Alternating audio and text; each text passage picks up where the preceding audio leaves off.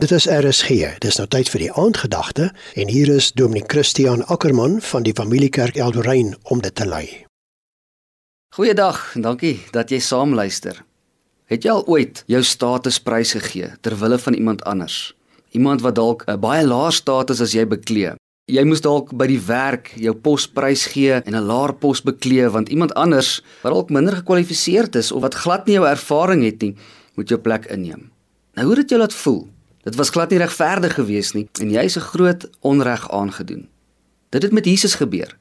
Voor ons verder gesels, kom ons lees eers wat hier gebeur het in Hebreërs 2 vers 9.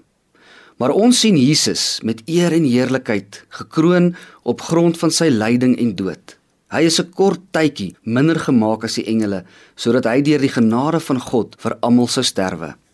Nou die skrywer van die Hebreërsbrief wil vir sy lesers daarop wys dat God sy hemelse status, sy regeringsstatus moes prysgee om vir 'n kort tydjie hier op aarde minder as 'n engel te word. Jesus wat van die begin van tyd af al by God was en selfs ook God is, hy het hierdie status prysgegee sodat hy vir ons aan 'n kruis kon sterf. Ek glo nie een van ons sou dit kon gedoen het as ons God was nie. Ons sou waarskynlik gesê het: "Nee wat, hierdie mense het so afvallig geword en dien my nie meer nie.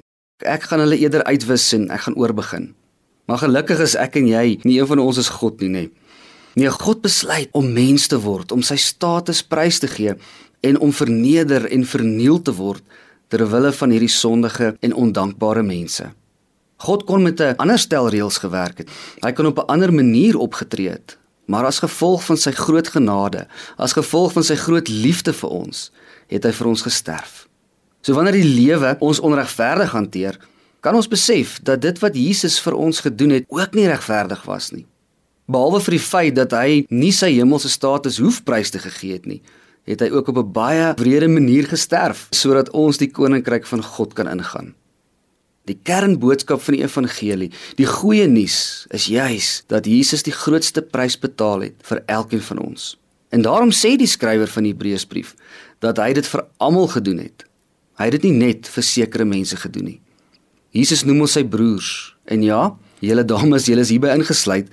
Dink vir 'n oomblik daaraan. Die skepper van die hemel en aarde, die almagtige, heilige Jesus, hy noem ons sy broers en susters. Dit getuig weer van 'n verhoudingsgod, van 'n God wat in 'n diep en betekenisvolle verhouding met my en met jou wil wees. Nou ek weet nie waar jy in jou lewe is nie of watter struikelblokke in jou pad staan nie. Maar ek weet dit, God is oneindig lief vir jou. Soveel so dat hy sy hemelse status prysgegee het en 'n bietjie minder as 'n engel geword het sodat ek en jy in verhouding met hom kan wees. Nou mag ons dit nooit vergeet nie en mag dit ons inspireer om ook mekaar lief te hê en mekaar te ondersteun en ook by te staan.